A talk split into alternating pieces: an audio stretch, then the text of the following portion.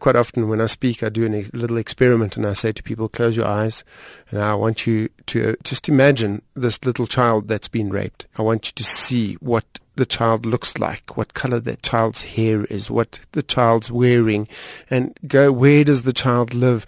And to cut a long story short, essentially what we get out at the end of the day, it's a poor little black girl in a squatter camp somewhere that's been raped. And, you know, people don't know the truth about what's happening. And we need to raise awareness because if we're not aware of it, we can't begin to change things.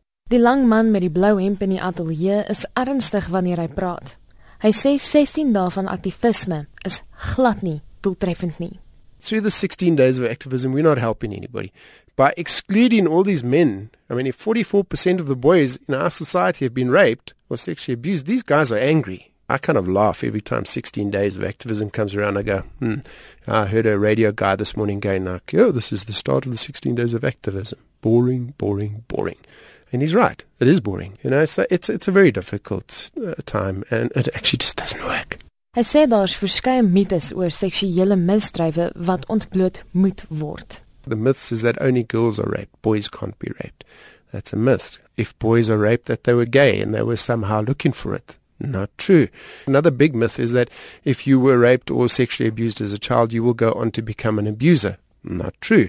You know, although there are maybe 5% of male victims that have gone on to become perpetrators, it's a very small percentage in the grander scheme of things. In 2008 is navorsing onder 126000 skoolseuns gedoen. 44% van die 18-jarige seuns wat deel was van die studie, het gesê dat hulle op die een of ander tydstip verkragt is. Volgens is mans huiwerig om verkrachting te rapporteer.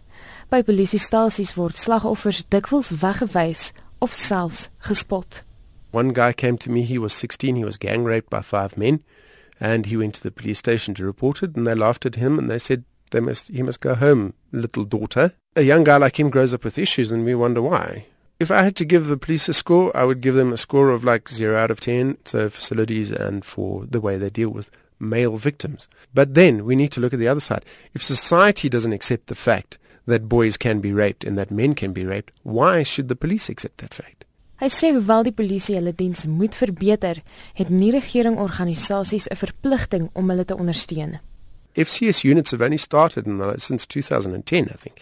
They've got a massive task. They were closed for like 10 years. So they've got to redevelop systems, they've got to redevelop all that sort of stuff and train people. You know, not everybody wants to go and be a cop that catches rapists. It's a very, very difficult business. It's scary for a lot of people. Balder sê daar word goeie vordering gemaak om wette en stelsels in plek te sit wat die probleem aanpak.